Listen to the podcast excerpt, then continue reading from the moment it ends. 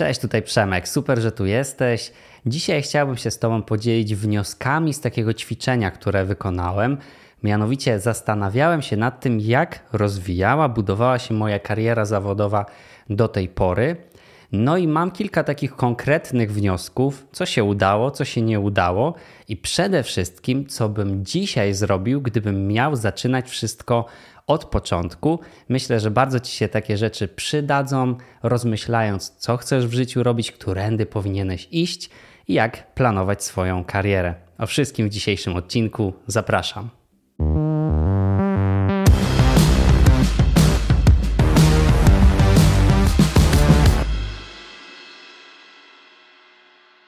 Zacznę od tego, że przede wszystkim wszystko zależy, czy chce się być bardziej specjalistą i całe życie robić w miarę to samo i być w tym coraz lepszym, czy raczej chce się rozwijać swój wachlarz umiejętności, kompetencji, wiedzy, eksperymentować, szukać i zmieniać.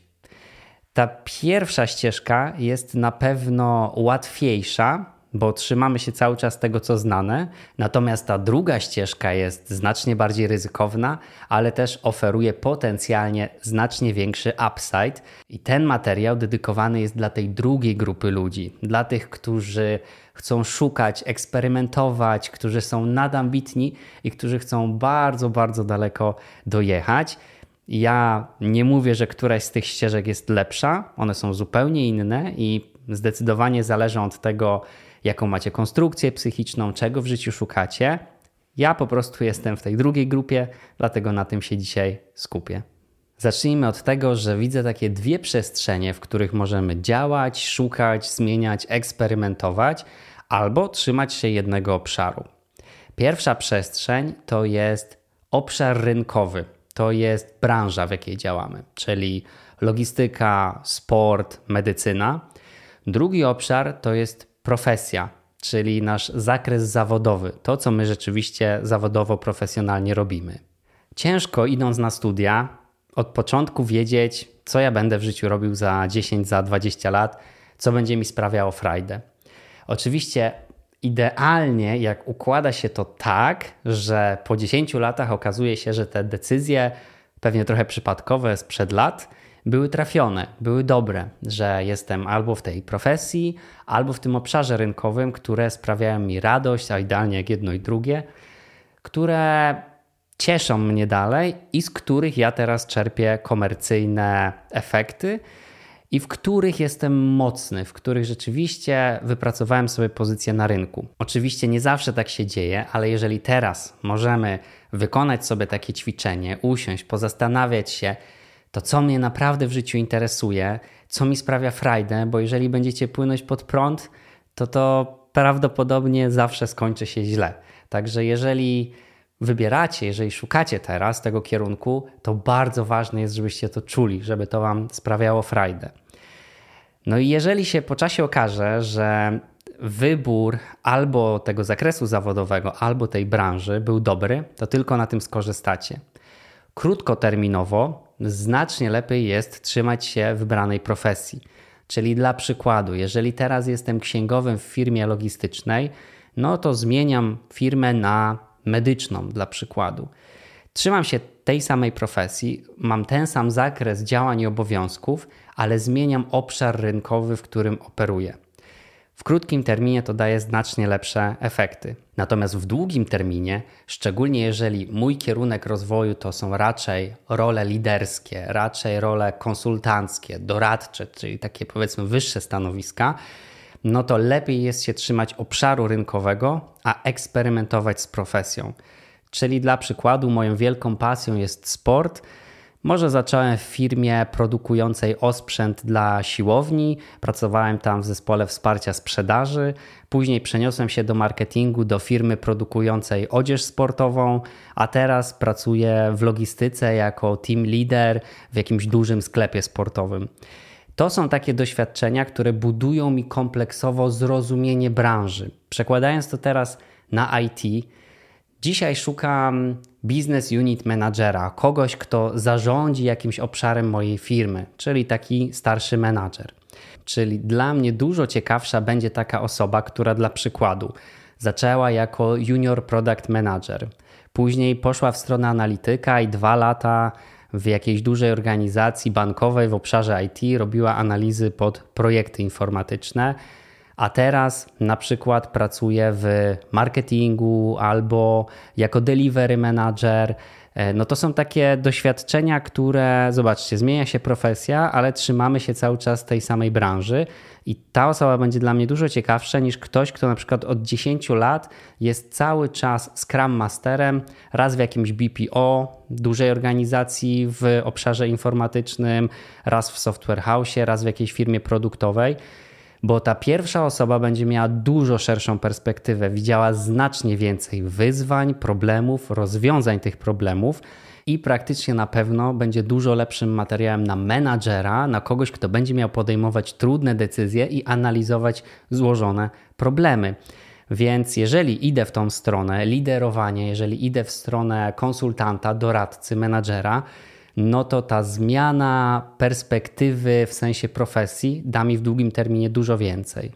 Kolejny taki obszar do zastanowienia, próbując zaplanować sobie jakąś karierę zawodową, to tak w skrócie mówiąc, to jest bardzo duże uproszczenie, czy lubię ludzi, czy nie lubię ludzi. Jeżeli lubię ludzi, to tak zwane cost centery, obszary supportowe, czyli HR, marketing, sprzedaż, rozwój biznesu, zarządzanie. To są te kierunki, które będą mnie interesować. Nie idę wtedy w inżynierię, w analizy tego typu rzeczy. Po drugiej stronie, jeżeli nie przepadam za kontaktem z ludźmi, jeżeli wysysa to ze mnie energię, może jestem introwertykiem, może po prostu preferuję pracować chociaż w jakiejś tam większej części samemu, no to role techniczne, analityczne, inżynieryjne to będzie dla mnie. I teraz to wcale nie znaczy, że ta pierwsza osoba nie odnajdzie się w tym drugim obszarze i odwrotnie, bo znam też wielu mega komunikatywnych programistów z, ze skillami miękkimi na bardzo wysokim poziomie. I oni na pewno w życiu nie mają źle, jeszcze nie widziałem, żeby taka osoba miała źle. Natomiast tutaj mówimy o maksymalizacji kariery zawodowej taka osoba, jeżeli nawet w tej branży, powiedzmy, informatycznej, pracowałaby taką samą ilość czasu, to prawdopodobnie w tym momencie byłaby headem jakiegoś działu, byłaby jakimś dyrektorem zarządzającym. Teraz jest senior specjalistą, oczywiście ma inne benefity i problemy z tym związane.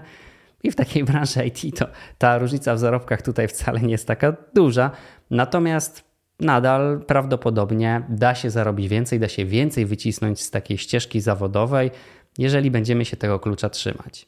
Trzecia bardzo ważna rzecz odnośnie planowania, budowania swojej kariery zawodowej języki obce. Dzisiaj przy takim miszmaszu międzynarodowych organizacji, ten angielski przynajmniej to jest tak duża podstawa i nadal, mimo że bardzo dużo osób mówi po angielsku, to dużo osób mówi też po angielsku, tak kolokwialnie mówiąc, nieładnie z tą mocną naleciałością, jeżeli chodzi o akcent, bardzo, bardzo prostym językiem, z dużą ilością błędów.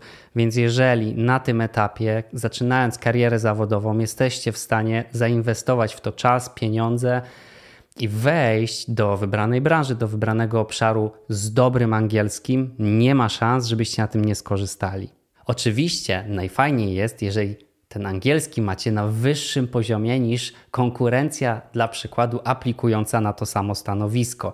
Jeżeli rekruter, wdzwaniając się z wami na kola rekrutacyjnego, słyszy piękny akcent, słyszy płynność w języku, słyszy, że władacie tym językiem tak, jakbyście mówili po polsku, macie od razu plus 15 punktów, porównując z osobą, która mówi przeciętnie to jest coś, co na starcie bardzo łatwo i skutecznie może podnieść wasze pozycjonowanie w porównaniu z konkurencją. A jeżeli macie do tego jakieś jeszcze inne języki, niemiecki, francuski, japoński, jakikolwiek by to nie był, od razu wpadacie do takiego worka, który jest znacznie mniejszy, czyli jesteście bardziej pożądani na rynku pracy. Takich ludzi jak wy z waszą umiejętnością jest o niebo mniej, więc macie dużo większą szansę na pozyskanie bardzo fajnej pracy już od samego początku. Numer cztery, jaki widzę, e, zaczynając swoją karierę zawodową, zadbałbym o obszar podróże.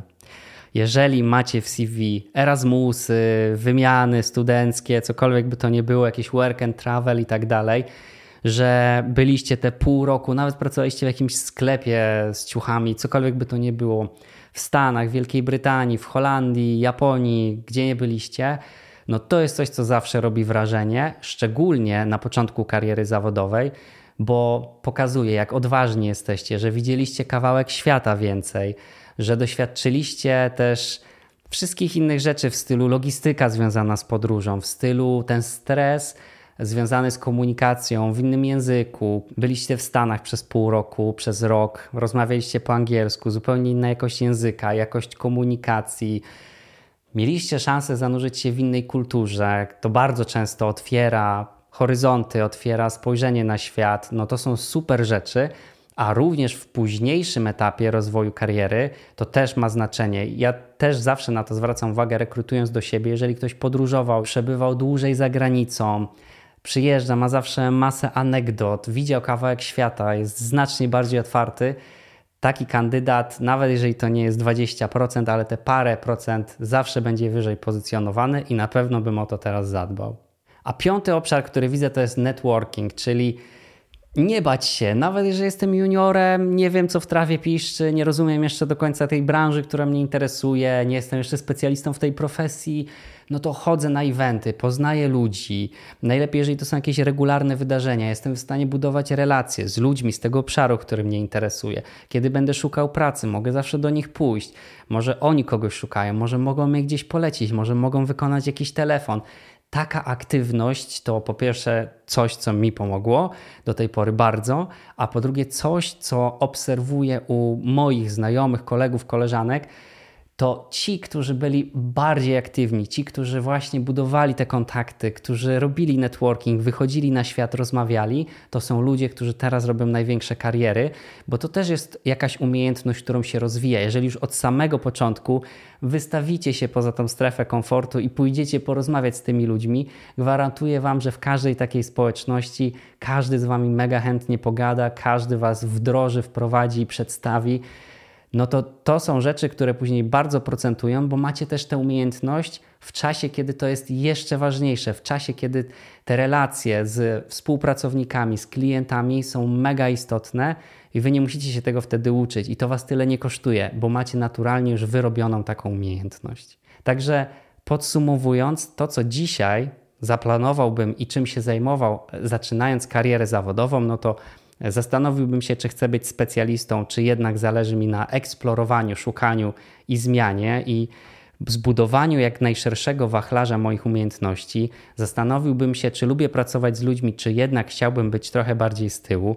Zadbałbym o języki, naprawdę się do nich przyłożył i wszedł na rynek pracy ze znajomością przynajmniej angielskiego na jak najwyższym poziomie, a idealnie jeszcze jakiegoś drugiego języka obcego. Zadbałbym o podróże, czyli w tych czasach studenckich, dookoła studenckich. Spędziłbym jak najwięcej czasu mogę za granicą w różnej formie, pracując, podróżując, studiując, poznając inne kultury, języki innych ludzi, no i budowałbym swoją sieć networkingową, uczęszczał do społeczności, na spotkania społeczności dookoła tematów, które mnie interesują, jak najregularniej budował relacje z tymi ludźmi. I to da Ci niesamowitą bazę i fantastyczny start dla Twojej kariery zawodowej. To wszystko na dziś. Jeśli podobał Ci się ten odcinek, zasubskrybuj i do następnego. Cześć!